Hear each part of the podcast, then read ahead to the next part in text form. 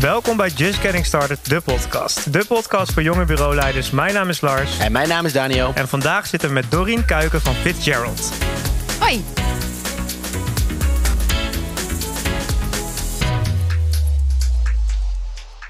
Yes, we're back. Hey. Welkom. Ja, dank jullie wel. Buurvrouw. Dat klopt. Ja. Dan zeg ik kaderbuurvrouw. Ja, dan buurvrouw. Echt letterlijk Ja. zitten jullie naast eh, in het mooie nieuwe Ace-gebouw. Ja, ja, dat is een heel fijn plekje. Ik heb net eh, twee weken geleden volgens mij een rondleiding. Toen heb ik je toevallig net al ontmoet. Ja. Maar wat een gebouw, joh. Ja, het is echt heel chic. Ja. Ja, ik ben er inmiddels een beetje aan gewend. Maar eh, in het begin dacht ik echt, oeh. Ja, bij- want- het voelt want- bijna weet je, dat je niks durft aan te Nee, raken. ja. Weet je wel? Ik splinter nieuw. Want Ja. waar, waar was eh, Fitzgerald gevestigd? Eh, nou, wij hebben de afgelopen twee jaar, of eigenlijk de eerste twee jaar, dus eh, bij Born of Five in Utrecht Oh ja. op kantoor gezeten. Ehm, en eh, ik moet eerlijk zeggen, dat was ook een super mooi plekje. Want eh, aan de Mali eh, single. Ja, Ja, leuk. Ja, aan het parkje geweest? daar. Supermooi. Ja, het is echt een heel mooi plekje. Ehm, dus nee, echt met heel veel plezier gezeten daar. Maar ik ben zelf Amsterdammer, dus eh Dat scheelt vond het wel. op zich wel prettig. ja, ja, lekker naar werk. Om uiteindelijk weer Ja. eh, in Amsterdam terug te komen, ja. Hey, eh, vertel eens, hoe ben je Fitzgerald ge- begonnen? Want wat ik ervan een beetje heb meegekregen... is een beetje uit glasnost volgens mij ook geboren. Ja. Zeg je Ja. het goed? Ja, Mhm. klopt.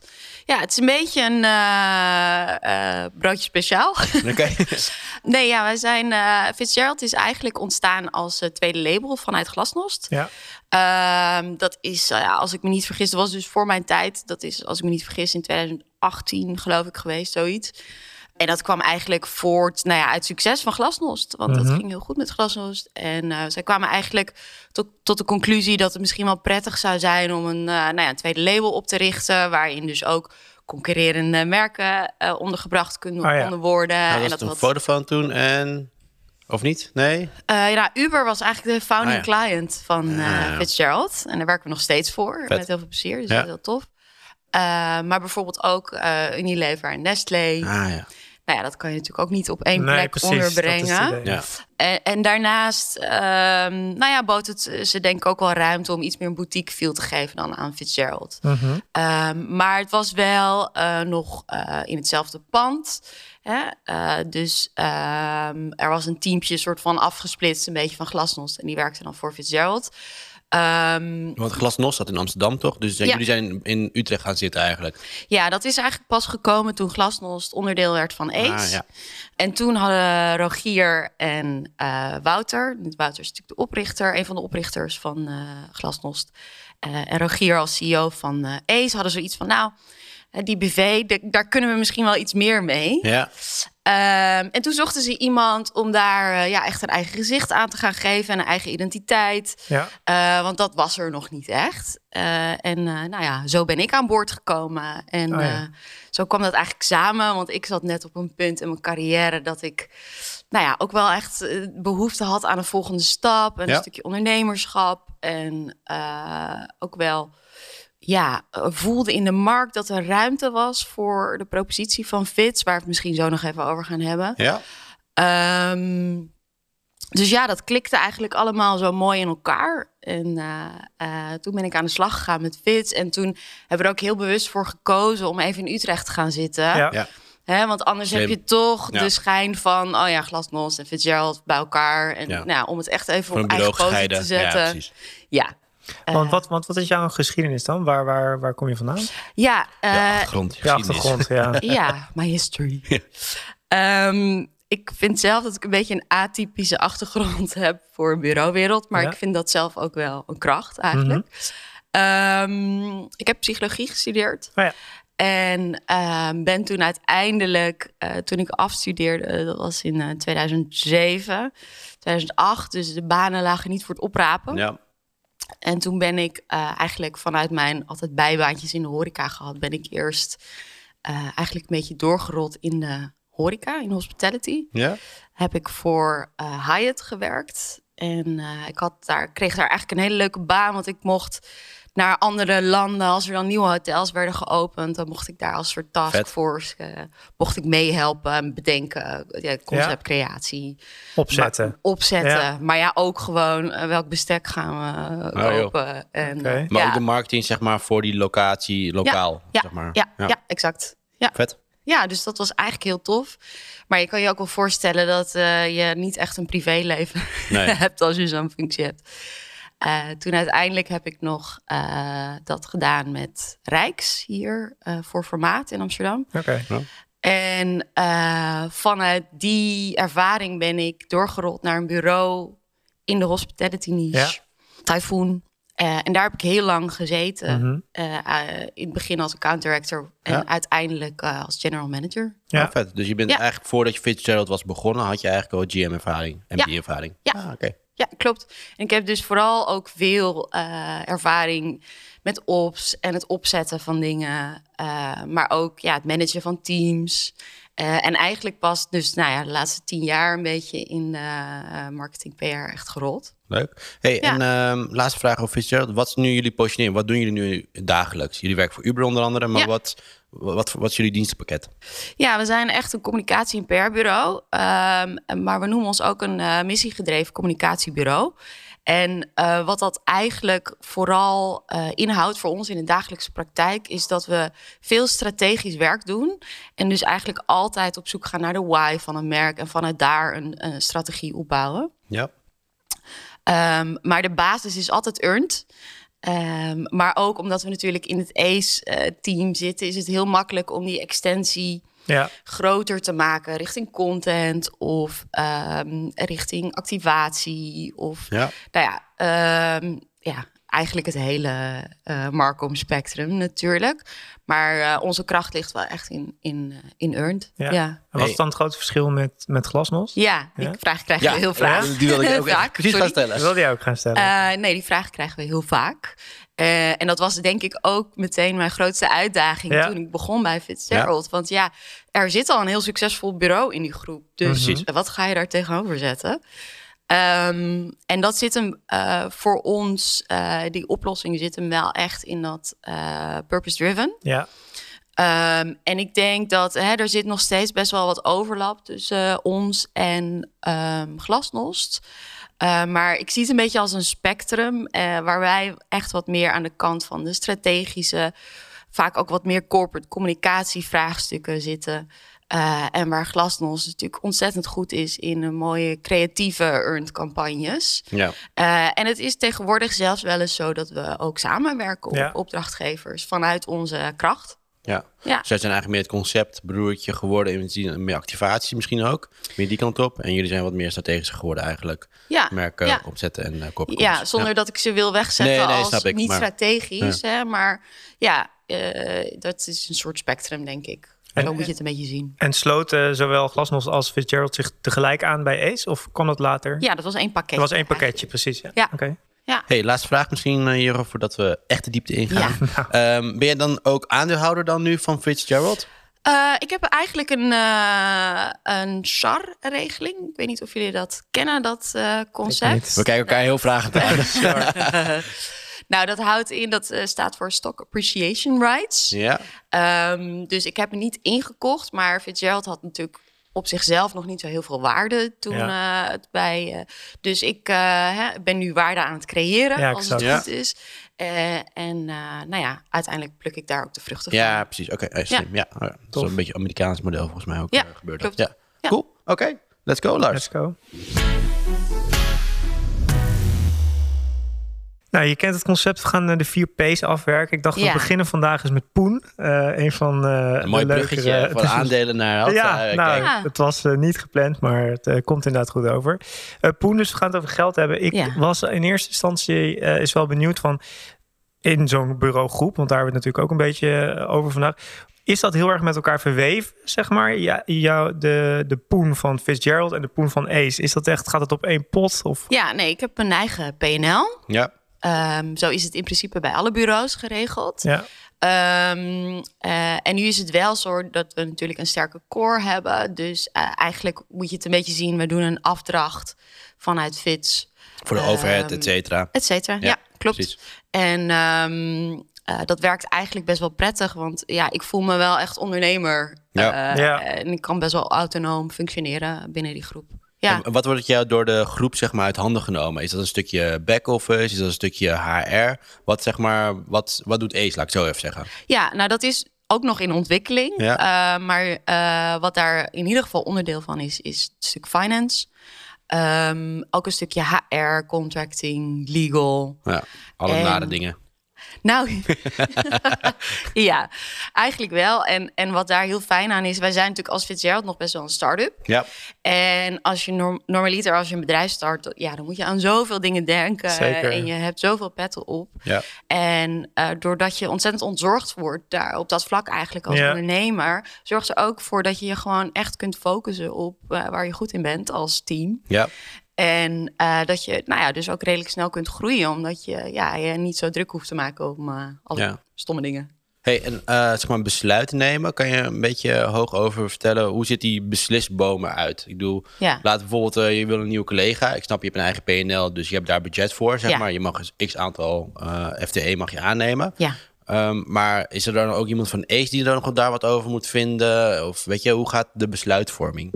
Ja, nou ja, zoals ik net al aangaf, ehm, ik voel me wel echt eh, ondernemer en ik Ja. voel me ook gewoon echt redelijk autonoom daarin. Nu is het natuurlijk wel zo dat je eigenlijk gewoon een grote groep peers hebt met wie je kunt sparren over eh, beslissingen. En natuurlijk word ik verantwoordelijk gehouden ook, hè, accountable over mijn PNL. Dus op het moment dat het eigenlijk niet uit kan, ja, dan zal ik er wel echt hard voor moeten vechten en een goed verhaal voor moeten hebben om Ja.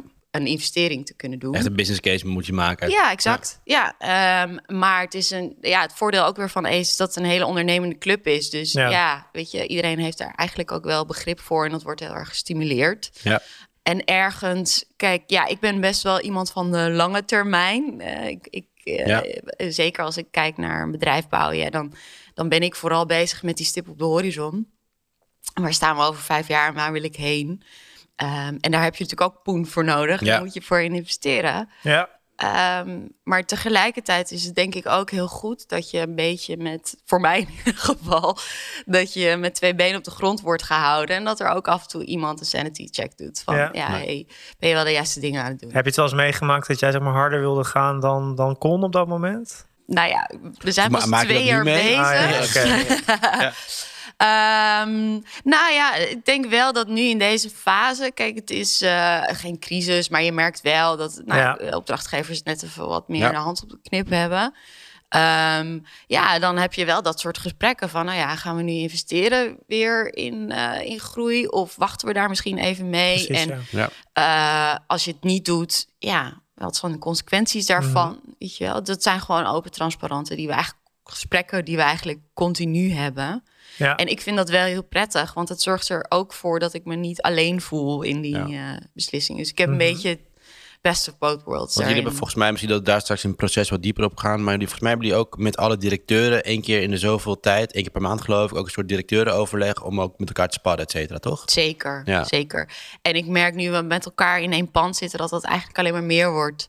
Want je zoekt elkaar gewoon steeds vaker op. En nu merk je ook dat we alle business directors hebben ook een Ja. eh, weekly even met Ja. elkaar even inchecken met welke klant ben jij bezig? Kun ik je misschien nog helpen? Dus ja, dat is ook wel heel leuk aan deze fase. Mhm. Dat we ineens Ja. met z'n allen bij elkaar zitten. En dat je denkt, oh ja, wow. eh, één en één is eigenlijk drie ineens. Dus dat is best wel Vet. tof. Hey, en Ja. ehm, is, is eh Fitzgerald eigenlijk nu een eigen werkmaatschappij, een eigen BV, of is dat nu allemaal ACE BV, zeg maar? En ik heb daar een vervolgvraag zo meteen op, maar Ja, Eh, nee, Fitzgerald is nog een, eh, een eigen BV, maar dat, ja, dat hangt dan eigenlijk onder een Ja. soort moederbedrijf. en wordt zeg maar, als jij een, een klant factureert, gaat dat dan vanuit Fitzgerald of gaat dat dan vanuit ACE? Gaat vanuit, in principe vanuit Fitzgerald. Oh ja. Ehm, maar het is zo eh, geregeld dat we. Kijk, het kan natuurlijk ook zo zijn dat. ehm, nou ja, wij werken bijvoorbeeld voor Uber. Ja. Maar er zijn best wel wat andere bureaus binnen Ja. de groep die ook dingen doen voor Uber inmiddels. Ehm, ja, in, in dat geval loopt die facturatie gewoon nog steeds via ons. Want wij zijn ook gewoon. eh, En dan ga je heen en weer factureren. ja, ja, ja, dat wordt gewoon aan de achterkant geregeld. Ehm, maar ja, er zijn ook opdrachtgevers die echt via het ACE-voordeurtje zeg maar binnenkomen. En dan, ja, dan loopt het zo. Ehm, Ja, waarom ik deze vraag vraag is van wat ik wel eens gehoord heb, is dat als je met verschillende labels werkt, en dat zijn allemaal verschillende BV'tjes, zeg maar. Je gaat heen en weer factureren, maar betekent ook dat je elkaar moet verkopen eigenlijk. En eh, nou, ik heb wel eens van een videoproductiepartij bijvoorbeeld gehoord. Dan ehm, eh, hadden ze een intern bureau en zij waren dan een videoproductiepartij. En die videoproductiepartij moest daadwerkelijk verkocht worden, zeg maar. En terwijl eigenlijk een andere videoproductiepartij de betere was voor die klus, of zelfs wel goedkoper. Maar het moest allemaal binnen die holding blijven natuurlijk. Wat is jouw ervaring daarmee? Ja, goede vraag. Ehm, ik moet eerlijk zeggen dat dat. eh, kijk, uiteindelijk is voor ons allemaal de klantrelatie ontzettend belangrijk. Ja. Hè, dus je voelt, denk ik, als een goede account lead of hè, als Ja. goede account manager, voel je ook wel aan of een klant daarop zit te wachten. Ja, of moet je het willen. En ja, als je iets echt gaat opdringen, ja, dat moet je niet willen, denk ik. Nee. Eh, gelukkig zien de meeste van onze klanten, denk ik, wel de meerwaarde van Ace. En zijn ze er ook wel nieuwsgierig naar. Eh, en zijn ze ook wel eh, gecharmeerd van het idee dat je hè, die one-stop shop hebt. Ja. Dus dat je, ehm, ja, dat je eigenlijk een beetje ontzorgd wordt ook op dat hele aspect. Ehm, maar ja, we hebben ook opdrachtgevers bij Fitzgerald die zeggen: ja, maar ik werk gewoon heel prettig samen met productiebureau eh, X of reclamebureau Y. Ja, nou, zet ons daar lekker aan tafel. Ja, precies. Ja. Go. Kunnen, toch? Ja. Ik had nog een vraag. ehm, eh, staat hier een beetje los van. Je zei net van, ehm, ik ben iemand van de lange termijn, eh, van de stip op de horizon. Dat, eh, zo zei het. Kan je daar iets over vertellen? De stip op de horizon van Fitzgerald? Ja, zeker. Nou ja, wij werken. eh, ik weet niet of jullie het boek eh, Good to Great kennen. Ja, zeker. En de B-hacks. En de B-hacks, Ja. ja. Dus eh, dat eh, vind ik zelf eh, ja, echt wel een beetje magisch. Op het moment dat je met een team een Mhm. B-hack gaat creëren. En ik werk ook heel erg vanuit kernwaarden. Ja. Dat eh, zorgt er echt voor een andere energie in het team. Als iedereen zoiets heeft van ja, we hebben een samen een stip op de horizon waar we naartoe werken. En dat zit hem niet in winstcijfers. Of, Want ja, daar komen mijn mensen niet voor. Met eh, kwalitatief en kwantitatief eigenlijk, toch? Ja, absoluut. Hm. Ehm, en eh, nou eh, hebben wij samen dus ook echt een, een B-hack gecreëerd met het team. En eh, dat zit hem op eh, het event dat wij elk jaar organiseren. Ja. Eh, ik weet niet of jullie het wel Ja. voorbij hebben zien komen, maar Ja. ik organiseerde... Initiative toch, heet het? Ja. Ik zag het ingelezen. Ja, heel goed. Ehm Fitzgerald Initiative, dat is punt A gewoon heel leuk om met Ja. z'n allen te organiseren. We hebben nu ook een hele mooie plek waar we dat kunnen Ja, organiseren. Ehm, maar eh, het belangrijkste daarvan is dat wij eigenlijk eh, proberen de NGO en de publieke en de corporate wereld wat dichter bij elkaar te brengen. Ook juist vanuit een communicatieperspectief. Hè. Ik denk, ik geloof heel erg dat het heel krachtig kan zijn als Ja. corporate als je ook daadwerkelijk echt samenwerkt met alle stakeholders binnen je domein. Eh, want dat zorgt er meteen voor eh, dat je wat geloofwaardiger bent. CSR, Ja, zoals zo mooi ja. Tof. Ja. Ehm, nou ja, en dat, dat event, dat is waar iedereen in mijn team ook eh, op werkt en Mhm. eh, een steentje aan bijdraagt. Dat is altijd de leukste dag van het jaar. En, Wanneer, welke periode is dat meestal? ehm, nou, we hebben hem net gehad in januari, Ja. eind januari. En ehm, het is onze B-hack is dus eigenlijk eh, dat we een soort eh, de next web van eh, Ah, de vet. NGO corporate wereld willen Leuk. worden. Leuk, vet. Ja, Heel nice. Hebben jullie een B-hack als, als act? Want jullie zijn net eh gefuseerd, we, zijn twee ma- we zijn net drie maanden gefuseerd, man. Oké. Ik, eh, ik ben echt met hele andere dingen bezig. Nou, misschien, ik heb slapeloze eh, van andere dingen. juist wel. Of juist ja, wel. misschien Nee. was het iets wat je van tevoren met elkaar bespreekt en denkt Ja. van ja, dit gaan we doen. Het eerlijke antwoord is eigenlijk, eh, we zijn er nog niet aan toegekomen. We hebben nog zoveel losse dingetjes. We zijn letterlijk net een week officieel juridisch gefuseerd. Onze Oké, nog te vroeg. Ja, het is nog te vroeg. Dus Nou, het daar staat wil ik de zo planning. alles over horen. Ja, dus dat, eh, dat gaat allemaal gebeuren. hey, ik heb eh, de laatste vraag eh, rondom dit topic voor jou. Wat, was Ja. jouw, wat had je graag vooraf willen weten voordat je bureaudirectrice was eh, over het stukje finance? Ehm, ja, goede vraag. Ik, ik ben zelf, ehm, wat ik net zei, hè, ik ben van de lange termijn. En ik denk dat de balans bewaken tussen die korte termijn en die lange termijn, eh, dat is iets waar ik gewoon nog steeds over leer. Ja. En dat is niet per se iets van, oh ja, had ik dat maar geweten. Maar het is meer een soort continue les van, ja, eh, natuurlijk eh, ben je bezig met de lange termijn. eh, maar je moet ook op korte termijn kunnen verantwoorden waar je mee bezig bent. En dat leer ik gewoon steeds beter. En ik leer steeds beter die, ja, die balans bewaken. Ja. Daar scherp op zijn, maar ook ja, de realisatie dat je wel vandaag ook grip moet hebben op je organisatie om te kunnen groeien. Goeie. Ja. Leuk. Dan gaan we naar de volgende, de P van proces. Ehm, wat voor eh, soort projecten of processen doen jullie allemaal eh, bij Fitzgerald? Kan je daar iets meer over vertellen? Ja, maar nou, wij zijn natuurlijk een PR-bureau in de basis. ja. Dus wat je veel ziet bij PR-bureaus zijn eh, retainers. Mhm. Ehm, En dat is voor corporate communicatie dan ook? Of is dat ook echt voor ehm, ehm, headlines halen? De combinatie vaak. Eh, en eh, kijk, PR is natuurlijk, eh, als we even naar de klassieke eh, marketing funnel gaan, Ja. dan, dan zit dat vooral natuurlijk op aandacht en interesse Ja. creëren voor je merk. Ehm, en dat is eh, idealiter iets wat we op continue basis doen natuurlijk. Want ja, daar heb je gewoon tijd en aandacht voor nodig. Zeker. En nou ja, journalisten zijn misschien vandaag niet met je merk bezig. Eh, ja, nee, maar dat is toch zo. Ja, je moet ook een beetje meedenken met een journalist. en eh, zeker. eh, dat is zaadjes planten. ehm, en dat levert misschien niet vandaag meteen iets op. Nee, precies. Eh, maar dat is wel een relatie die je vanuit je merk bouwt met een journalist. ja. Ja. En dat zorgt ervoor, ja, ik zeg altijd, je moet vrienden maken wanneer je ze niet nodig hebt. Ja. Hè, dat zorgt er wel voor dat op het moment dat je eh, eh, daadwerkelijk iets te vertellen hebt, een nieuwtje hebt Ja. of hè, een, eh, een campagne hebt ontwikkeld die zorgt voor nieuws, Ja. Ehm, ja, eh, dat dat zaadje al geplant is en dat de lijntjes kort zijn, dus dat je ook eh, snel kunt schakelen Ja. met journalisten. Maar ik ben wel benieuwd, want Ja. dan moet je dus eh, inderdaad vrienden worden met, eh, met veel journalisten. Zijn dat dan uren die je intern schrijft? Als het ware, dat gaat best wel diepte in dit. Of, of schrijf je eigenlijk die op de jullie Of, toch? ja. Ja. Snap je? Ja, kijk, uiteindelijk eh, betaal je denk ik als opdrachtgevers ook altijd voor het netwerk Ja, van een precies. bureau. Ja, ja. Ehm, nu geloof ik wel, ik denk dat dat ook, eh, zeker twintig jaar geleden was dat dan heel erg zo het magische netwerk van Ja. het Ja, ja, ja. PR-bureau. Ja, ik, ik geloof dat dat ook wel een beetje voorbij is. Als je gewoon een goed verhaal hebt, Mhm. dan staat elke journalist daar in principe voor open, denk Ja. ik. Ehm, maar het is wel zo dat het, dat het belangrijk is als PR-bureau om te investeren in die relaties. Ja. En dat betekent ook af en toe koffie drinken op het moment dat je niet echt een nieuwtje hebt, maar gewoon om Precies, die relatie warm Ja. te houden. Of ook eens om uit te vragen bij de journalist van hey, welke topics houden jou nou echt bezig? Eh, en vanuit daar eens een keer te gaan kijken, oh, misschien hebben we eigenlijk misschien wel iets En dat voor vang je wel, probeer je wel een retainer dan ook te vangen, dat soort uren? Of? Nee, dat is echt een investering Ja, dat die wij vanuit het bureau precies. doen. En is dat dan ook iets ja, wat, maar dat vind ik ook prima. Ja, is dat wat, jij dan meer doet? Of zijn dat de, de PR-managers? Ik weet niet hoe het heet. nou, dat zijn eigenlijk vooral de seniors en Ja, account directors in mijn team. Ja. Eh, want dat zijn uiteindelijk ook de mensen die eh, met de poot in de klei staan, Ja. om het zo maar te zeggen. En eh, eh, ja, dat vind ik ook belangrijk dat zij goede relaties hebben met de Mhm. media. Ja.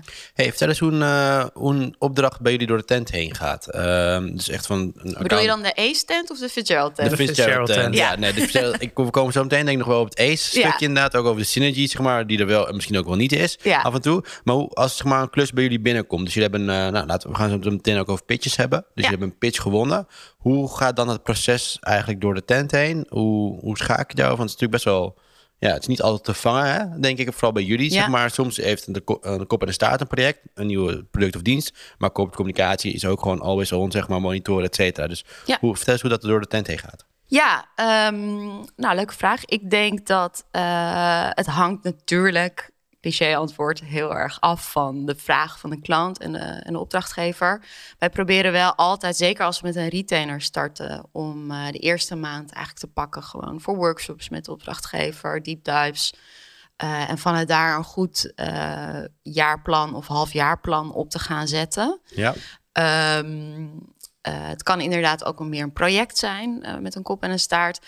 Eh, ook daar besteden we veel aandacht aan een eerste strategische fase. Nou ja, wij hebben ook in het team best wel verschillende rollen. Dus er zit ook echt iemand op creatieve strategie. Ik heb een strateeg.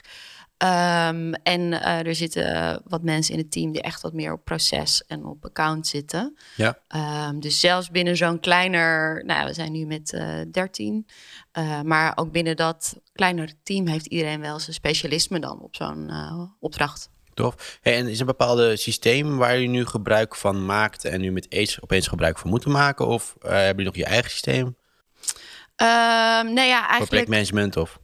Sorry? Voor projectmanagement bijvoorbeeld. Ja, nou, wij werken uh, met uh, eigenlijk een Kanban-boordje voor onze ja. projecten. Favro gebruiken we ja. daarvoor.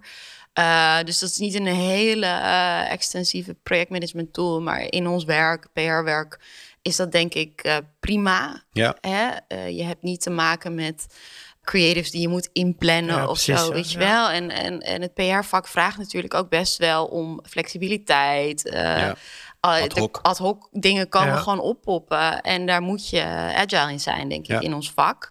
Maar ja, ik geloof wel dat uh, een goed proces juist ervoor zorgt dat je in staat bent als PR-professionals om snel te kunnen schakelen. Ja. Uh, dus ik vind het proces zeker belangrijk en goede tools. Um, we werken ook best agile intern met veel stand-ups en weeklies. Ja. Uh, soms werken we met onze klanten zelfs op, op als het echt high in Ja. project intensiteit zit, dat we een dagelijkse stand-up met onze klant hebben bijvoorbeeld. Ja, leuk. Uh, ja, het zorgt Ja. ook echt voor goede energie. Ja. Kan ik me voorstellen. Ja. Ja, eh, dus dat is heel leuk. Ehm, dus niet te veel bezig zijn met, met processen. Maar het is wel belangrijk, denk ik, om die hygiëne goed in te richten. Zodat je in staat bent ook om flexibel te zijn. Mhm. Hey, je zei net dat je aan het begin van de, oh, aan het begin van de samenwerking dan veel tijd besteedt aan eh, je klant leren kennen en zo. Ja. Ehm, heeft elke klant dan bij jullie zijn eigen proces of, of komen klanten bij- in een soort van Fitzgerald-proces? Of, of stem je het af op hun? Snap je wat ik bedoel? Ja, ik snap wat je bedoelt. Ja, Ja. het, is, eh, het is toch best wel bespoke Ja. eigenlijk. Ehm, omdat ik geloof gewoon dat elke vraag vraagt in principe om net een iets andere aanpak. Ja, En eh, zeker in het PR-vak ja, hangt het heel erg af van... Ja, wat wil je daar uiteindelijk mee bereiken? Is dat meer naamsbekendheid? Of is dat echt toch eh, een bepaald verhaal goed over de bühne brengen? Ja. Heb je een CEO die je meer in het spotlicht, spotlight willen zetten? Of eh, heb je echt een heel concreet een nieuwe dienst die je wil introduceren? Ja, de vragen kunnen gewoon best wel breed zijn. Is het echt reputatiemanagement? Zit er stakeholder management bij? Public affairs? ja. Ja, dat, dat kan allemaal. En het is denk ik belangrijk om gewoon de vraag heel goed te ontleden in, Ja. in zo'n eerste fase. En ook eh, aan ons om daar eh, op te challengen van wat is die vraag nou echt exact? Ja. Eh, en als we dat goed eh, ontleed hebben met elkaar, ja, dan volgt die aanpak vanzelf. Ja. Eigenlijk met PR is dat vaak bedrijven over eh, onzin dingen willen communiceren. Eh, de wereld in willen helpen. Hoe, eh, Oké. hoe, hoe, gaan jullie, Goh. ja, hoe gaan jullie daarmee om? Het is echt dat, eh, nou, ja, het, het kan echt zo gek niet. Ja, we hebben een nieuwe dienst of product waar eigenlijk helemaal niemand op zit te wachten. Hoe bewaak je dat? Ja, hoe bewaak je Ja. dat als PR-bureau? Want ehm, wat je net zelf al terecht zei, je moet voor je netwerk hebben. En je, jullie weten als geen ander, je netwerk zit hier eigenlijk niet op te wachten. Nee, precies. Dus hoe ga je daarmee om? Ja. Ja, dat is, eh, nou, het is wel grappig dat je dat vraagt. Eh, ik had het net over kernwaarden. En een Ja. van onze kernwaarden is bloody honest. Ehm, en eh, ja, we praten dus ook heel vaak met het team over... Ja, wat is nu eigenlijk de nieuwswaardigheid van wat we hier voorgeschoteld krijgen? Ehm, en eh, wij zijn vaak richting klant ook ja, bloody honest dus over of we daarachter staan of niet. En Ja. ja, ja je reputatie als PR PR-bureau eh, hangt daar ook mee samen. En natuurlijk hè, komt het ook wel eens voor dat je een journalist iets pitcht en dat die journalist zegt van ja, sorry, maar ik kan hier niks mee. Nee. Ja, maar ja, dat is ook gewoon het trial and error Mhm. aspect van ons werk. krijgen, ja. Ja, eh, maar, maar ja, ik eh, heb dus ook altijd onze kernwaarden in bureaupresentaties staan. En dan pak ik ook eigenlijk altijd dat Bloody Honest Ja. stuk er even uit. Om Ja. vanaf het begin uit te leggen, joh, dit is wel wat je van ons kunt verwachten. Wij zullen hier eerlijk over zijn. Eh, Ja. En dat is in jouw best interest.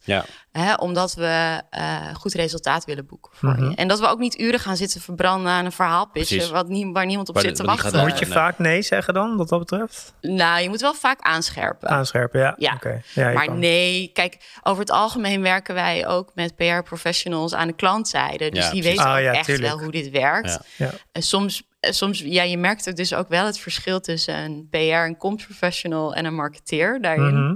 marketeer die denkt alles PR-waardig. Ja. Ja. ja, precies, ja. Ja. Daar werk jij dus mee, Daniel. Die, Nou ja, Dat je dat net nou, en het gaat echt tot het hoogste niveau, of tot de grootste bedrijven van Nederland ook. Hè? Dus het is echt dat je denkt van, oké jongens, hier zit echt helemaal een nieuwe propositie. Jeetje, hou op met me hoor. Oké. Ja. ja. Maar ja, het is inderdaad goed. En eh, ja, wij zijn ook geen PR-bureau, hè, dus dan zeg ik ook wel dat dit moet je zeker via een PR-bureau doen. Ja. En ik heb ook helemaal geen zin om dat, dat leuren ook. Dat, dat, Dat kan Ja. niet zo goed. Maar Ja, mooi. dat- en kijk, weet je wat het ook is? Kijk, als je wat langer samenwerkt met een klant, dan weet Mhm. een klant ook, oh, maar ze weten wel waar ze het over hebben. En ze hebben het in het verleden vaker eh, goed Ja. gehad als het over dit soort dingen ging. Ja. Dus hè, dan kun je op een gegeven moment ook lezen en schrijven met een klant daarover. Maar in de beginfase is dat soms eh, nog even zoeken. Want Ja. dan denkt een opdrachtgever, ja, maar dit is echt heel belangrijk voor ons. En dit willen we over de bühne brengen. En daar willen we ook niet per se nee op zeggen. Mhm. Maar Nee. dan moeten we wel even met elkaar om tafel gaan kijken hoe kunnen we die boodschap wel nieuwswaardig Ja. gaan krijgen. Hè? Of is het misschien later in het jaar of nou ja, eh, misschien niet richting media, maar misschien wel richting stakeholders of is een B2C eh media gedreven campagne misschien relevanter op dit moment? Dat kan ook een antwoord zijn. Hey, laatste vraag dan over dit onderwerp. Wat had je graag vooraf willen weten toen je een bureau was gestart dus, eh, over het, het kopje proces? Ja, dit zijn allemaal van die dingen die, ik, die meer soort van lessen zijn die je On the steeds job, on the job steeds beter leert, toch? Ehm, maar eh, ik zie wel, ik, ik heb in mijn, ik heb in het verleden denk ik nog wel eens wat meer rigide vastgehouden aan processen. Ehm, Ja, het is hier wat vloeibaarder geworden, omdat Ik- mensen ja. ook daar invloed op moeten hebben. Ja, exact. Ja. En ik kan het denk ik wat meer loslaten als MD. Ik weet dat het er is en we kunnen het er altijd op teruggrijpen. Ja. Maar eh, ik ben daar ook wel wat meer fluïde in geworden. Ja, en ik denk dat learning. dat. Ja. en dat, dat zorgt ook wel weer wat meer voor ownership en verantwoordelijkheid bij het team. Ja. Maar, maar bedoel je dat je, ehm, dat je team het meer het proces laat bepalen of dat het meer afhangt van waar de klant behoefte aan heeft? Nou, eigenlijk vooral dat ik het team wat meer laat. Ja. eh, ik, ik, ik leg de, de basis. Eh, en als zij zoiets hebben van ja, maar we kunnen het eigenlijk wel zonder. Mhm. ja. Ehm, prima, ga het maar doen. loopt, en af dan, en toe. dan pak je ja, het terug. precies. Ja. Ja, Is het dan niet zo dat het, eh, stel je hebt twee mensen werken op eh, één klant, dat de ene er een ander procesje op nahoudt dan de ander? nee, dan moeten we daar gesprekken Ja. over voeren. En dat doen we eigenlijk ook wel. Ook weer bloody honest. Ja, Ja, en, je, en je legt ook de verantwoordelijkheid natuurlijk bij die twee mensen. Dus die zullen ook met elkaar communiceren, weet je. Aan het eind Mm. van de dag van oké, die gaat echt niet over in er eentje of hij in zijn eentje dat uitvoeren. Stel ik me zo voor. Nee, en de grootste les voor mij is eigenlijk... dan voelde ik me verantwoordelijk voor dat proces. En Ja. nu denk ik steeds meer... nou, zoek het maar Ja, uit elkaar. Als maar Ja. dat doel bereikt. Mooi. Nice. Ja.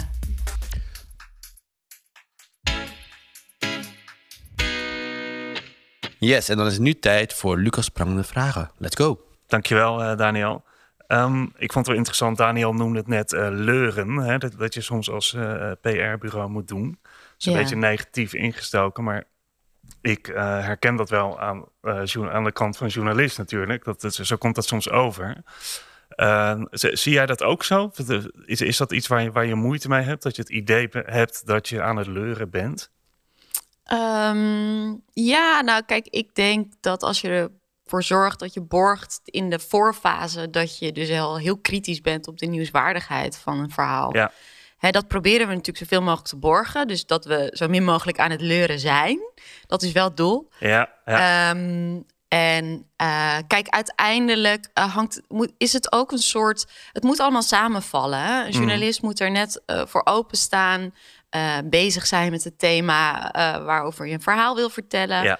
Ehm, daar doen we natuurlijk veel vooronderzoek naar. ja. Ehm, maar het kan soms maar gebeuren dat, dat je met een verhaal, nou ja, dat je aan het pitchen bent en Ja. dat het toch niet landt. Ja, dat kan gebeuren. Ja. Maar uiteindelijk willen wij in onze way of working dat we dat zo min mogelijk doen. We willen natuurlijk het liefst meteen raak schieten. Ja. En dat zit hem in het meedenken, zoals je het net al noemde. Dus dan ga je eigenlijk op de stoel van de journalist zitten. Van joh, Ja. waar, waar heeft hij of zij nou behoefte aan?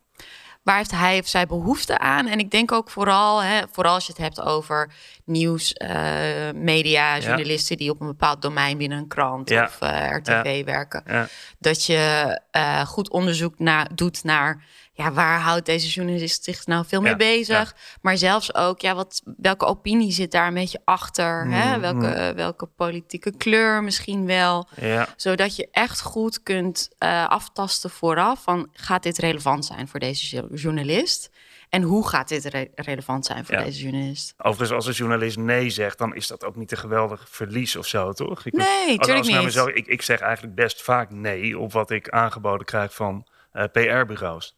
Het is vaker, moet ik eerlijk zeggen, eh, eh, niet relevant dan wel relevant. Nee, tuurlijk, wij krijgen ook best vaak nee. Maar Ja, het is vaak wel een nee eh, het is nu niet relevant. Maar ik hou het in gedachten en ik kom er later nog eens op terug. ja. Of, eh, en dat gebeurt dan ook regelmatig. Ja. Hè? En dan heb je in ieder geval eh, een lijntje gelegd. Ja. En uh, nou ja, soms gebeurt er ook weer iets anders bij een klant, waardoor je nu denkt als PR-professional: oh, maar nu zou het misschien wel relevant zijn voor deze journalist. Ja, en dan zoek je nog eens contact en dan zegt diegene: oh ja, je hebt eigenlijk wel gelijk. Ik ga er eens even induiken of niet. Maar ja, dat is een on- continu proces. ja, en, en dat is per medium, maar ook per journalist eh, verschillend Absoluut, natuurlijk. Hè? Ja, ja. eh, ja, het gaat echt over de journalist. Ja. Zelfs nog minder over het medium, denk ik. Zijn het vaak moeilijke types, journalisten volgens jou? Nee. Niet?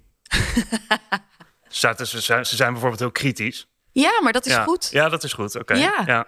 Nee joh. Eh, kijk, natuurlijk eh, is het leuk als je twintig publicaties Ja. secured Mm. in allerlei media met een mooi verhaal. Maar wij werken ook veel meer vanuit KPI's die zitten op. Nou, we willen deze vijf eh, media eh, Ja. realiseren, mediatitels realiseren voor deze opdrachtgever in deze periode omdat we geloven dat de, de, de doelgroep die die media bedienen echt heel relevant is voor die Ja. opdrachtgever. Ja. Eh, en dat zit hem wat minder op bereik vaak bij ons.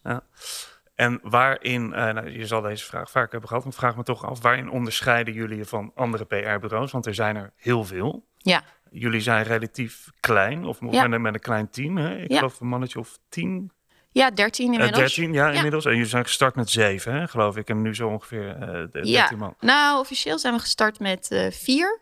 Oké, ja. nou ja, nu twee, twee jaar geleden ongeveer. Ja. Ruim twee jaar geleden. En inmiddels zijn we 13. Ja. Waarin zit dan het verschil met de, met de concurrentie? Ehm, nou ja, ik denk in de basis is dat onze positionering echt als missiegedreven communicatiebureau, dus eh, altijd vanuit eh, een missie eh, kijken naar eh, een opdrachtgever, naar een vraagstuk.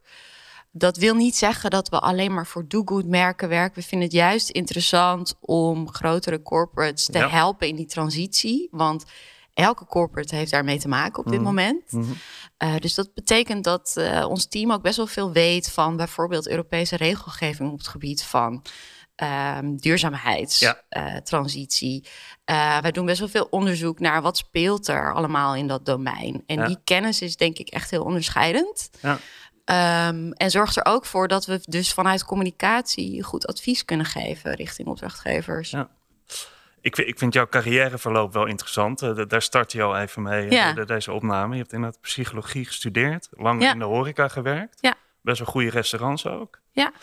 Eh, en toen in de horeca PR, hè? eigenlijk dus dat is Ja. brandchef en Typhoon Hospitality. Klopt. Ja, Ehm, je bent eigenlijk de horeca uitgestapt, zou je kunnen zeggen. Ja. Ehm, mis je dat wel eens? Of, of mis je die wereld wel eens? Um, ik mis het uh, soms wel uh, qua, qua energie. Ja. Uh, het, het, is natuurlijk veel events en het is heel sociaal. Dus, Ja.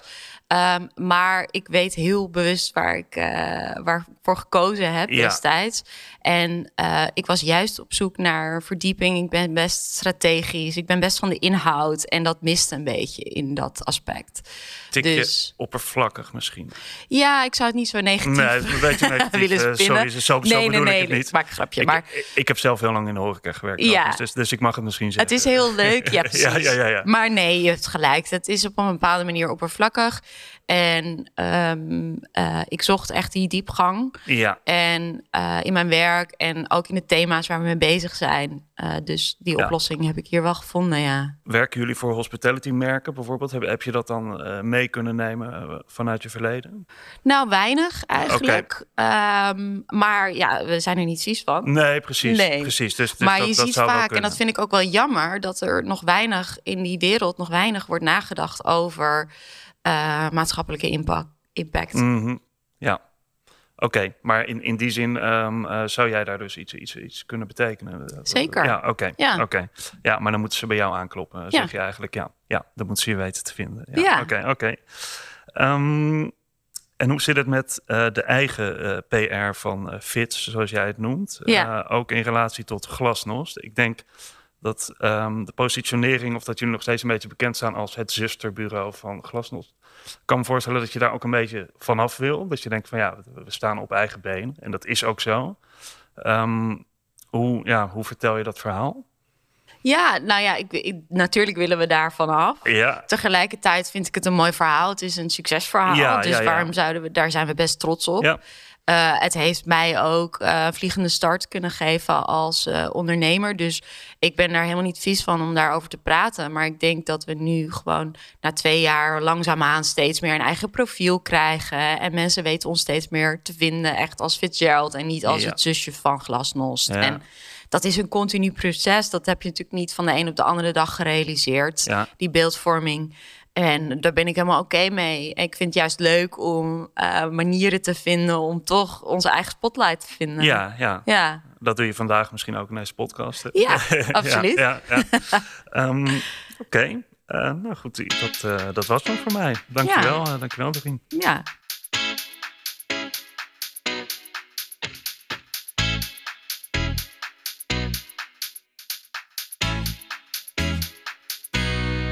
Alright, P van eh, personeel. Ehm, vier mensen begonnen, zei je net, nu Ja. met eh 13. Dat betekent dat Ja. je veel mensen hebt aangenomen in eh, de afgelopen tijd. Ja. Ehm, kan je daar iets over vertellen? Wat is belangrijk volgens jou in het aanneem slash sollicitatieproces? Hoe gaan jullie te werk? Nou, dat is ook echt een les die ik eh, de afgelopen jaren de hard way heb Ja. gele- Ja. geleerd. Eh, kijk, je hebt natuurlijk altijd de balans tussen onderbuikgevoel en eh, wat er op papier staat, denk Ja. ik, Ja. als je mensen aanneemt. Hè? Dat Ze zeggen wel eens, in de eerste minuut of zo heb je je mening gevormd, toch? Ja, Ja. ja. Ehm, en ik werk daarin eh, met kernwaarden ook weer. Mhm. Dat is voor mij echt een soort kompas.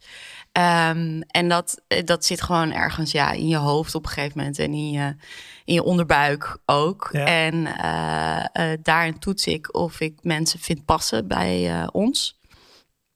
Tegelijkertijd geloof ik wel in een heel erg divers en ehm, ja, in verschillende perspectieven in het team. Dat vind ik ontzettend belangrijk. Ik zie mezelf toch altijd een beetje als de voetbalcoach langs de lijn die Ja. probeert.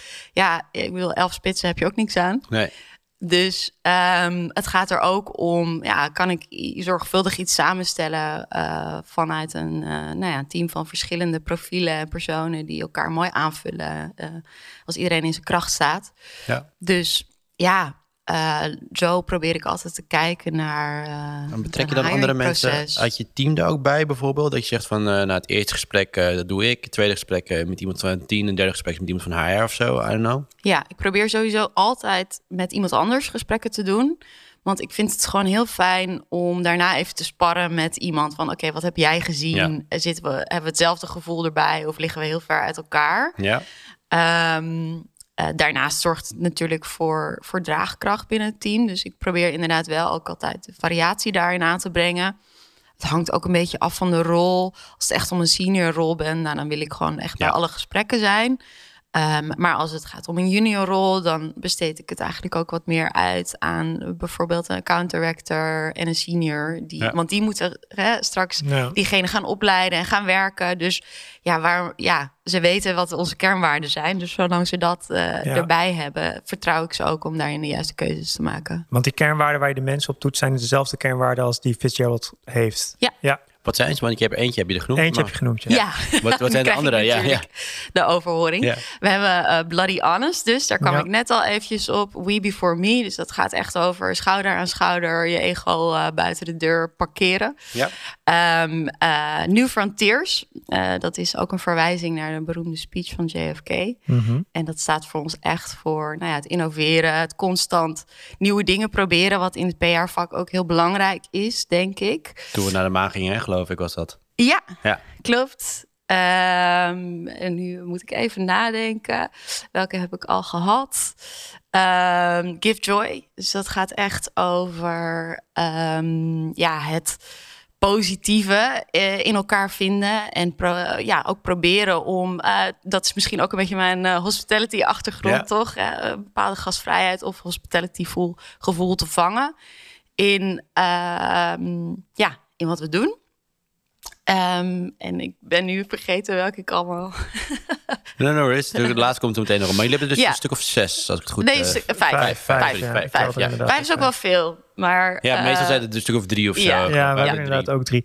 Is het dan een gevoel waar je zeg maar eh, die, die kernwaarden aan, aan toetst? Of heb je spe- echt specifieke vragen die ze dan beantwoorden? Nee, het is zeker een gevoel. En we hebben ze ook wel uitgeschreven. En het komt vaak terug in presentaties Precies, ja, ja. en dat soort dingen. Nee, maar ik bedoel waar, je, waar je de mensen dan aan toetst die bij, tegenover jou zitten. En je zegt van net van wat een onderbuikgevoel. En Ja. Is vaak anders dan wat op papier staat. Ja. Hoe, hoe toets jij die mensen aan die kernwaarden? Dat bedoel ik eigenlijk. Ja, dat zijn ook wel vragen die je Ja. vervolgens stelt, die een beetje bij die kernwaarden horen. Precies, die hebben ook gewoon op papier staan. Ja, cool. Ja. Tof. Hey, eh, wat voor soort mensen heb je nu in huis? Want je vertelde al, je hebt account directors, je hebt Mhm. strategen. Maar kan je eens vertellen, wat voor exacte rollen heb je nu in huis? Wat zijn die 13 mensen die je... Ja, nou, we werken eigenlijk altijd in silo's op klanten. Dus dat betekent dat er eh, vaak een junior, een medior en een senior werkt op klanten. Soms nog wel, eh, als het echt een grotere klant is, nog wel meer. Ja.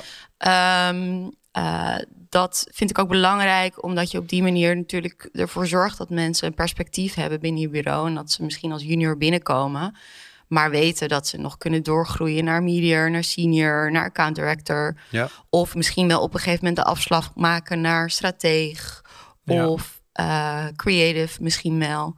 En dat is natuurlijk ook weer het fijne van ACE, is dat iemand misschien als PR junior bij ons binnenkomt en over een paar jaar misschien wel als Ja. creatief bij Blauwgras zit. Ja. Ja. je weet het niet. Dat is inderdaad wel vet, ja. Maar dan Ja. heb je dus, je hebt eh, account directors, je hebt strategen, je hebt eh, PR-managers. Of zijn dat meer account? Hoe, hoe, zit daar het verschil mee?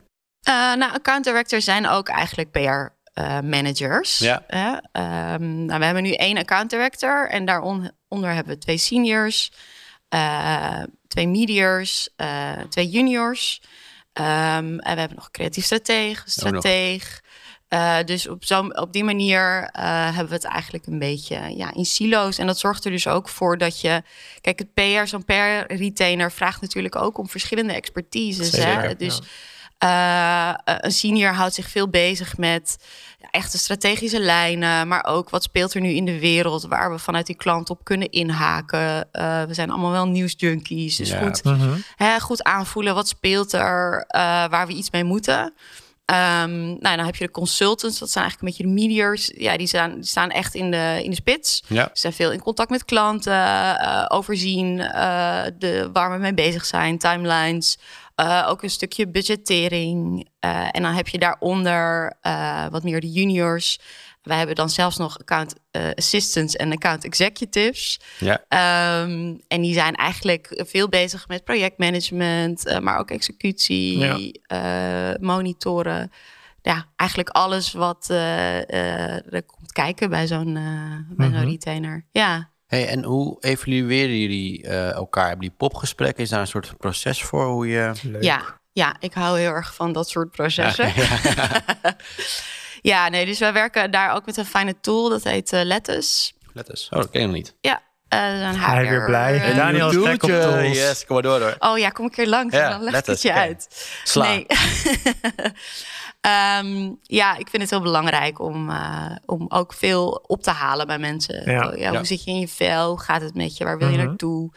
Ehm, we weten allemaal dat de bureauwereld is best eh, intens. Zeker als het je eerste of je tweede baan is. Hè? Wordt best veel van je gevraagd.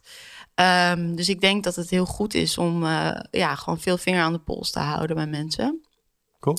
Dus we werken met doelstellingen, maar ook met wekelijkse korte wandelingetjes, eh, kwartaalreviews, Ja. eh, peer-to-peer assessment. Ja, veel. Eh, ja, En Ja. dan is dat één keer per jaar dan zeg maar, doelen vaststellen en dan het rest van het jaar even heel erg over bijsturen? Of... ja, zeker. Zeker. En die doelen eh, die hangen natuurlijk weer samen met op een promotie of een eh, groei in eh, salaris. Ja. Eh, en ik vind het ook altijd belangrijk dat die doelen niet alleen maar koud zijn. Dus hè, oh, je hebt aan het eind van het jaar zoveel publicaties gegenereerd of zo. Nee, dat gaat bij ons eigenlijk veel meer over. Ja, wie ben je als persoon en wat zijn je valkuilen misschien ook? En hoe kunnen we daar samen aan werken? Eh, en hoe kun je daarin groeien als mens? En ik geloof dat de rest dan vanzelf wel komt. Ja, Leuk. ja mooi. Ehm, is het eh, salarishuis of überhaupt het voorwaardenhuis, wordt dat nu vanuit ACE bepaald? Of hebben jullie eh, allemaal een eigen... Ja, ding. nou, eh, wij hadden al een salarishuis en Mhm. voorwaarden. Ik, ook dat vind ik heel belangrijk eh, om transparant over te zijn. Als Ja. je ergens komt Ja. werken, dan wil je gewoon weten waar je aan toe bent. Tuurlijk, ja. Ehm, eh, dus dat hadden we eigenlijk meteen ingericht uh, toen we begonnen met Fits. Uh, maar nu zie je inderdaad dat elk bureau zijn eigen salarishuis heeft en voorwaarden. Ja. En sommigen hebben dat heel erg uh, ja, extensief ingericht en sommigen wat minder. Dus we proberen dat nu wel wat meer op één lijn te brengen. Ja. Mm -hmm. want dat is denk ik gewoon ook belangrijk om, ja, anders ben je appels en peren aan het vergelijken, toch? Ja. Nee, zeker. Hey, um, heb je ook wel eens iemand moeten ontslaan en uh, hoe, hoe, ging dat, zeg maar? Um, ik heb bij Fits nog niet echt iemand uh, hoeven ontslaan. Ja. Uh, maar daarvoor in mijn carrière natuurlijk is dat natuurlijk wel eens voorgekomen, ja. Hoe, hoe vlieg je zoiets aan? Um, heb je de goede pointers voor ons? Ik zei iedereen Ja. nou zo hard vast bij ACT uh, Agency inmiddels. valt mee hoor, dat, Ja. eh, niks aan de hand. ja, kijk, weet je, ik geloof uiteindelijk altijd is het beter voor beide partijen. Ja. En daar probeer ik voor mezelf heel erg aan vast te houden. En vanuit daar ook te kijken waarom is het beter voor ons, maar ook te waarom is het inzien. beter voor die persoon. En dat goed te laten inzien. Want ja, als het niet werkt, dan, dan, dan werkt het van beide kanten waarschijnlijk niet. En het kan zijn omdat iemand misschien continu op zijn tenen moet lopen, Mm. omdat het eigenlijk te hoog gegrepen is, bijvoorbeeld. Of Ja. ja, iemand heeft eh, privé veel aan zijn hoofd en eh, het lukt niet om alle bordjes omhoog te Ja. houden. Ja, dan ben je gewoon beter af om even iets anders te gaan doen. Dat geloof Mhm. ik echt. En eh, het kan, kan zelfs betekenen dat je later wel weer bij elkaar komt. Of Ja. niet. Of dat je iemand in de toekomst nog een keer naar een andere baan helpt. Ja, ik denk dat je ook niet bang moet zijn om, eh, om afscheid te nemen van elkaar. Zeker. Ja. En Bloody Honest helpt natuurlijk En ook, Bloody eh, Honest helpt wel Zeker. Hier inderdaad. Ja. Ehm, ik eh, ben wel benieuwd, we hadden het net even over een soort van evaluatiestructuur. Vraag jij zelf ook eh, feedback aan jouw personeel? Hoe, hoe, hoe krijg jij zeg maar de feedback? ja, daar ben ik nu bij Fit. Zijn we daar dus net mee begonnen. Ja, Eh, dus ik heb de resultaten nog niet gezien. Dus ja. misschien moet ik nog een keer Ja. terugkomen Zo'n om anoniem dat te eh, delen. tool, zeg maar. Ja, ja, ja, ja. ja. Eh, want ik merk wel dat dat eh, best lastig is natuurlijk. We hebben ook best een jong team. Dus eh, ja, je merkt toch dat er dan een beetje tegen je op wordt gekeken. En ik Ja. probeer dat echt wel eh, gelijk, gelijkwaardig te houden. Maar ja, ik weet ook, ja, ik ben de baas. Dus natuurlijk zullen mij, ze mij niet Ja. zomaar ergens op, eh, op terugfluiten. Ehm, dus ja, ik vind het wel belangrijk om dat meer te gaan faciliteren. En nu heb je een, dus dat letters waar je het over had, dat is een Ja. soort van eh, anoniem feedback tool. Ja, Oh ja. ja. gedeeld. En je kunt er ook anonieme surveys dus in, eh in Maar daarin hou je gewoon Mhm. eigenlijk de progress van elke medewerker bij, toch? Ja. Ja. cetera. Doe jij dat eigenlijk, Daan? Eh, zelf je feedback opvragen? Want het gaat van, in mijn ervaring dus vaak naar beneden, zeg maar. Van baas naar Ja. werknemer. Goeie vraag. Eh, ik deed dat wel. Ik heb tegenwoordig in mijn nieuwe rol geen mensen meer onder me. Eh, en daar heb ik ook bewust voor gekozen. Oké. Dus dat vind ik eigenlijk wel chill. Ehm, maar ik deed dat inderdaad wel. Ik moet wel zeggen, ik deed dat één keer per jaar maar. Nou ja. Dus het is niet dat ik het... eh, want wij hebben elke kwartaal hebben popgesprekken. Mhm. Ehm, en als, als meer nodig is, eh, dat blijkt gewoon ook uit de gesprekken dan natuurlijk gewoon vaker. Maar ehm, eigenlijk gewoon één keer per jaar doelstellingen. En dan op dat moment vroeg ik ook wat feedback over mij, zeg maar. En dat, Ja. dat moest ik ook voor, voorbereiden. Oké. Jij? Ehm, ja, leuk dat je het vraagt. Ja.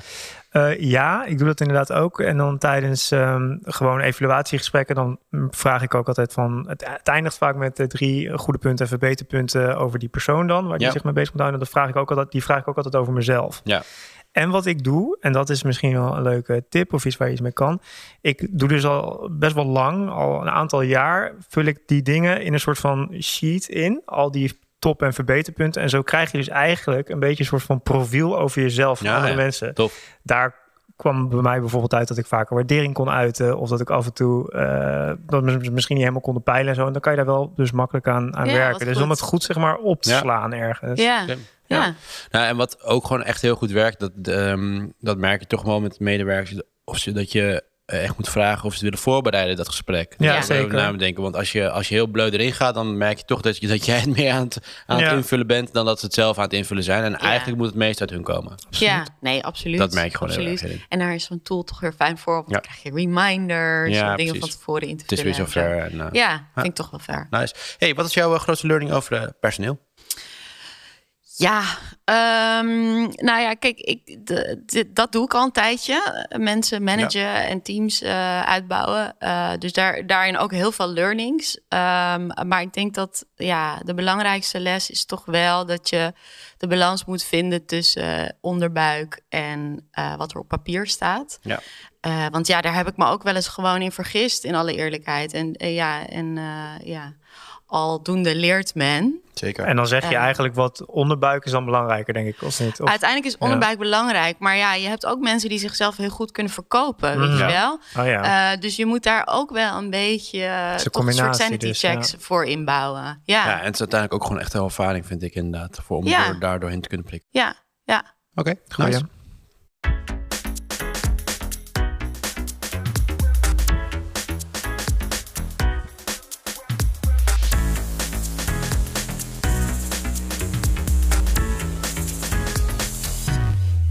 De laatste P van, eh, van pitches. Ehm, als ik het nu net een beetje jullie eh, gesprek tussen jou en Lucas hoorde, be- bestaat eigenlijk het, eh, het leven van een PR-professional überhaupt uit pitchen? Want je pitcht Ja. natuurlijk je ideeën aan, aan de journalisten ook. Ja. Maar we gaan het hebben over de pitches van jullie als bureau tegen andere bureaus. Ehm, doen jullie dat überhaupt? Zijn, zitten jullie daar veel in? En hoe Ja. gaat dat een beetje te werk? Ja, eh, dat doen we zeker regelmatig. Ja, niet super vaak, maar. Zit je nu in een eh, pitch?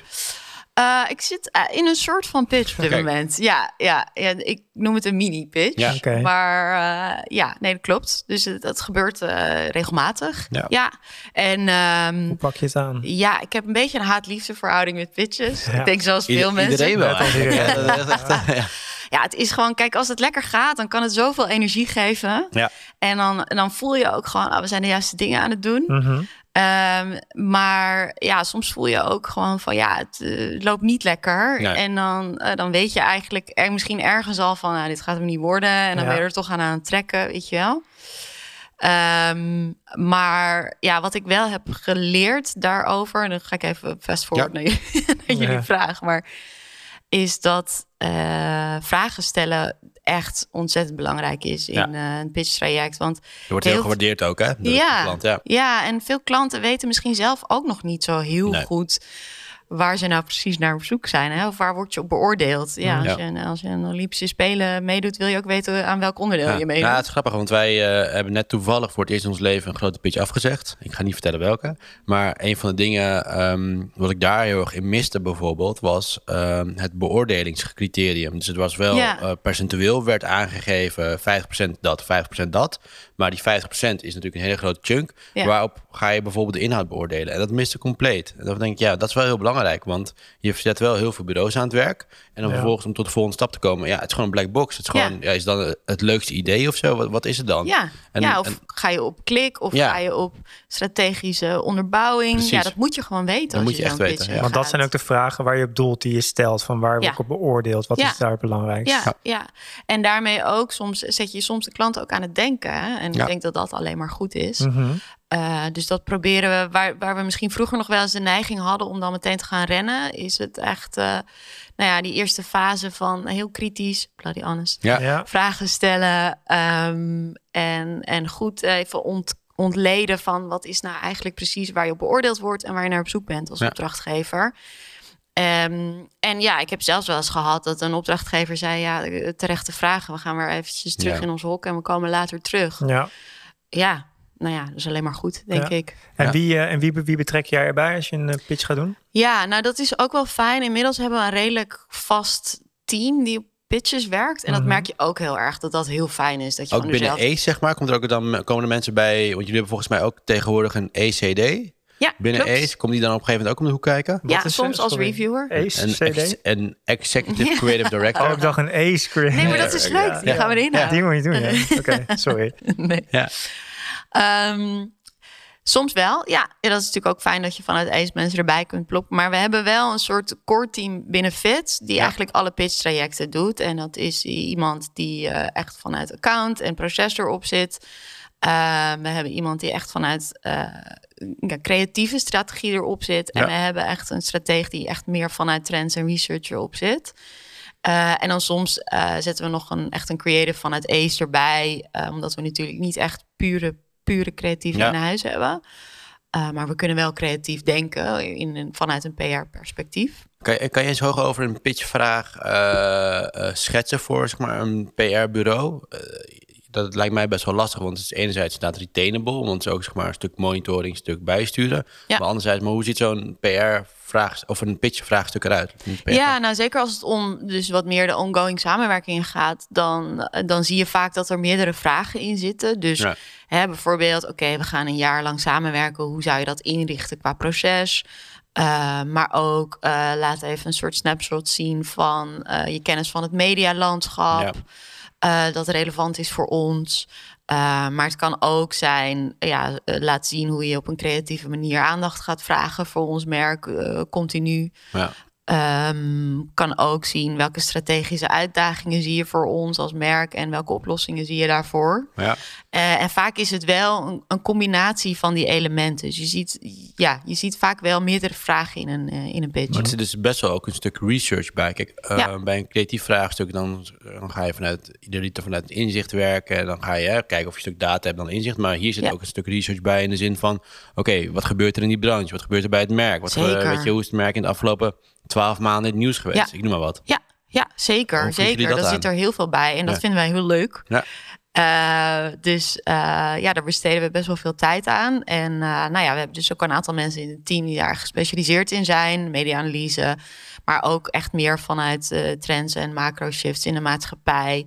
Wat speelt daar? Wat, wat signaleren we? Wat is relevant voor deze opdrachtgever? En dan ook weer denken vanuit wat betekent dat voor jou als klant en hoe kunnen we daarin oplossingen vinden? Dat is heel tof. Ja. ja. Hey, um, volgens mij las ik laatst dat ACE als doel heeft ook om een soort voordeur te worden voor marketingcommunicatie. Dus dat ze niet per se via één bureau binnenkomen, maar eigenlijk via ACE en dan word je door die hele tent, kan je dan geserviced worden. Ja. Dus dat betekent ook, gok ik, dat jullie... Door de tent getrokken. Ja, dan, uh, uh, dat jullie dan ook uh, pitches als ACE aan gaan vliegen. Ja. Dus het, ik gok me zo dat het zeg maar, een soort totaal eh, ja, lead agency pitches zijn. Ja. Hebben jullie dat al gedaan? En hoe zit dan die synergy? Uh, nou, we zitten nu in een aantal pitches. Ja. Uh, kan ik helaas nog niks over zeggen. Maar uh, ja, dat is heel leuk. Dat is heel tof om te zien dat dat zo bij elkaar komt eindelijk. Ja, Want daar hebben we natuurlijk wel nou ja, een, nou, twee jaar een beetje naartoe gewerkt. En nu begin je echt te zien dat het, dat het begint te lopen en begint te werken. Dus dat is ontzettend Dan wordt er gewoon vanuit alle disciplines, bureaus, wordt er een pitchteam samengesteld. Hoe, ja. hoe gaat dat ja, een dus beetje je hebt eigenlijk een soort kernteam binnen ACE. Hè. Je haalde net al een ECD aan. Er zit ook iemand op op strategie, je zit iemand op PM, zit iemand op account. Ja. Um, en eigenlijk weer afhankelijk van de vraag worden er dus vanuit de bureaus gewoon specialisten bijgeplopt. Ja. Die gewoon ontzettend goed zijn uh, in hun werk. Uh, en dat is natuurlijk heel fijn, want je hebt gewoon uh, verschillende smaakjes. Dus aan de hand van het smaakje van de klant kun je ja. daar pas een team op samenstellen. Maar wel met die vaste kern die gewoon continu daar is. Dus ja. die zorgt wel voor een soort steadiness. Hey, maar jij als MD, uh, op een gegeven moment wordt er iemand uit jouw kernteam moet er even uitgeplukt. Omdat die, weet ik ja. veel, twee weken ergens moet zitten. Hoe, hoe ga jij dan daar mee om? Want uh, betekent wel dat er iemand opeens uit je team... Dus dat heeft invloed op uren, dekbiliteit, you name it. Ja. Ja, kijk, daar moet je een beetje fluide sowieso in zijn. En kijk, de mensen die vaak uh, op dat soort trajecten werken, dat zijn al niet de meest billable mensen, zeg maar. Dat zijn natuurlijk vaak de wat meer senior mensen ja. of de mensen die al wat meer op research en strategie zitten. Uh, dus dat betekent gewoon dat ze niet op een pitch for fits kunnen werken. Ja. Um, en daar moeten we keuzes in maken. Ja, precies. Ja. Dat kan hard zijn. Right, we gaan naar de laatste vraag. Yes. Wat is je grootste learning geweest op het gebied van uh, pitches? Um, ja, dat is dus eigenlijk wat ik net al even ja. aanhaalde. Echt het goed ontleden van de vraag. Um, ja, waar ik in het verleden misschien iets te snel uh, met het team dat we gingen rennen meteen, weet je wel, maar dat je toch echt goed terugduwt op wat is de vraag nou eigenlijk, wat wordt er van me verwacht, ja. Uh, waar word ik op beoordeeld, inderdaad ja. wat jij zei. En um, nou ja, en soms ook uh, als je dat eenmaal helder hebt, besluiten dat het niet voor ons is. Hè? Ja. Dat kan ook. Want als je eigenlijk al aan je onderbuik voelt dat, dat het hem niet is, ja, ja dan moet je er denk ik ook niet uh, ja. 100 uur aan uh, gaan verbranden. Zeker. Nee, dat is het ook. Ja. Kapitaalverdieniging. Ja. Aan het einde van de dag. Ja. Fair enough. Ja, zo is het wel.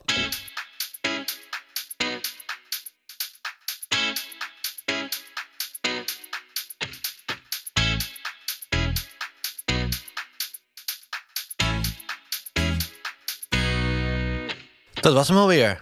Oh, ja joh. Ja joh. Man. voorbij. Ja, ja, voorbij. We zijn gewoon een uur onderweg hoor. Ja joh. Ja. Wat vond je ervan? Ja, ik vond het heel leuk. Nou, goed doen wij Ja. ook. Eh, toch, Lars? Wij ook, Ja. zeker. Wij Heel leuk. in, eh, Lucas? Ja, ook. Nou. Lucas ook, moest Ja. eh, geen microfoon, maar...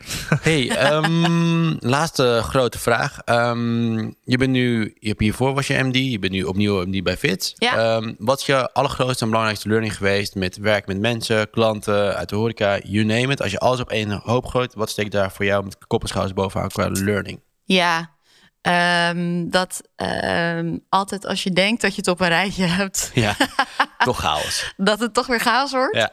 Eh, dat en dat omarmen ook, denk ik. Die Ja. chaos omarmen en weten, ja, dus hè, weten dat het altijd fluïde is eh, Ja. en dat dat oké is en dat je je daar eigenlijk gewoon goed voor moet bewapenen als MD.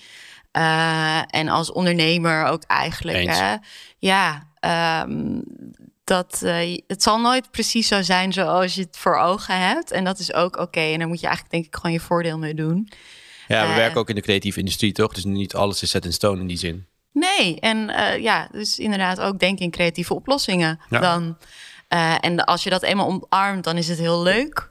Eh, en eh, ja, dat, dat is een continu eh, spel en dat vind ik leuk. Ja, Tof. Goed. ja. Goeie learning. Ik vind het ook wel hoor. Ja, Ook, ook wel met denk, ik, met processen wat jij ook zei. Dus ik vind het ook wel herkenbaar dat je kan net zo strak die processen hebben. Maar als je daar heel strak op gaat zitten, dan worden mensen alleen maar zagrijnig. Dus inderdaad Ja. daar een beetje loslaten. Dat, eh, Ja, en ik denk dat ja, op het moment dat je zelf die attitude hebt, dan kun je dat ook goed overbrengen op je mensen. En eh, zij worden daar denk ik ook wat meer eh, ondernemend van. Ja. En dat is ook mooi als ik ze dat kan meegeven, denk ik. Nou, mooi afsluiten. Ja, Jolien, Fitzgerald, dankjewel voor het komen. ja graag gedaan. Dankjewel. En eh, nou, graag tot de volgende keer zou ik zeggen. Ja, vast nog tegen deze wereld. Ja, Dit was Just Getting Started, de podcast. De podcast voor jonge bureau-directeuren. Mijn naam is Daniel en Lars die zit hier naast me. Die heeft zijn microfoon inmiddels afgezet. Yo. Deze podcast wordt mede mogelijk gemaakt door de Adformatie en de VIA. Tot de volgende keer.